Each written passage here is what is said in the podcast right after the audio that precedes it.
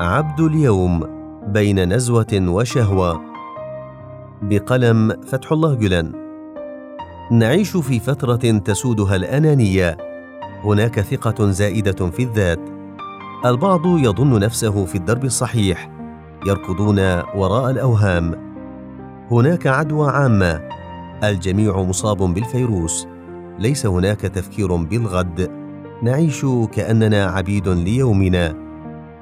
يقول عبد اليوم أريد سلطنة لنفسي أريد عظمه شهره أريد أساطيل بحرية وفللا كثيرة فيلا في بريطانيا وفيلا في ألمانيا وأخرى في فرنسا. ثم الاحتياط ضروري صحيح الأمور على ما يرام اليوم ولكن غدا قد يأتي أحد يفضحنا مرة أخرى فنضطر إلى أن نغادر بطائرة ونحتاج إلى تلك الفلل.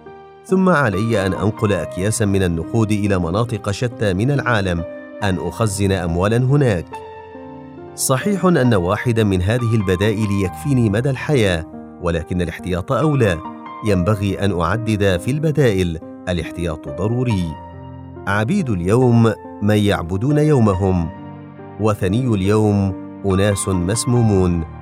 مسمومون بالنهم مسمومون بطول الأمل مسمومون بسلطان القوة مسمومون بالسلطة المؤقتة.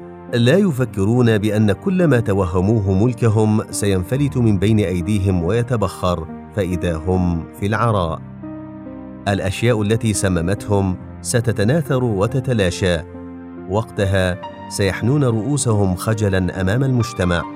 لم ينحنوا اليوم أمام الله ولم يخضعوا له. بل انحنوا أمام القوة والسلطة والإمكان والنفوذ واعتمدوا على المجموعات التي انجرفت وراءهم وضعوا لأنفسهم فلسفة توافق أهواءهم.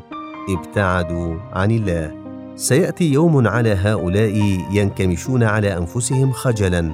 يخجلون من النظر إلى وجوه الناس الذين اتبعوهم. سيخجلون من المساعي التي بذلوها من أجل إطفاء النور. ولكن أقول لهم استلهاما من القرآن محال أن تطفئوا هذا النور.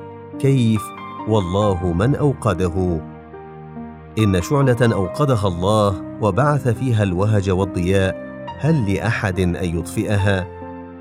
يريدون أن يطفئوا نور الله بأفواههم ويأبى الله إلا أن يتم نوره ولو كره الكافرون.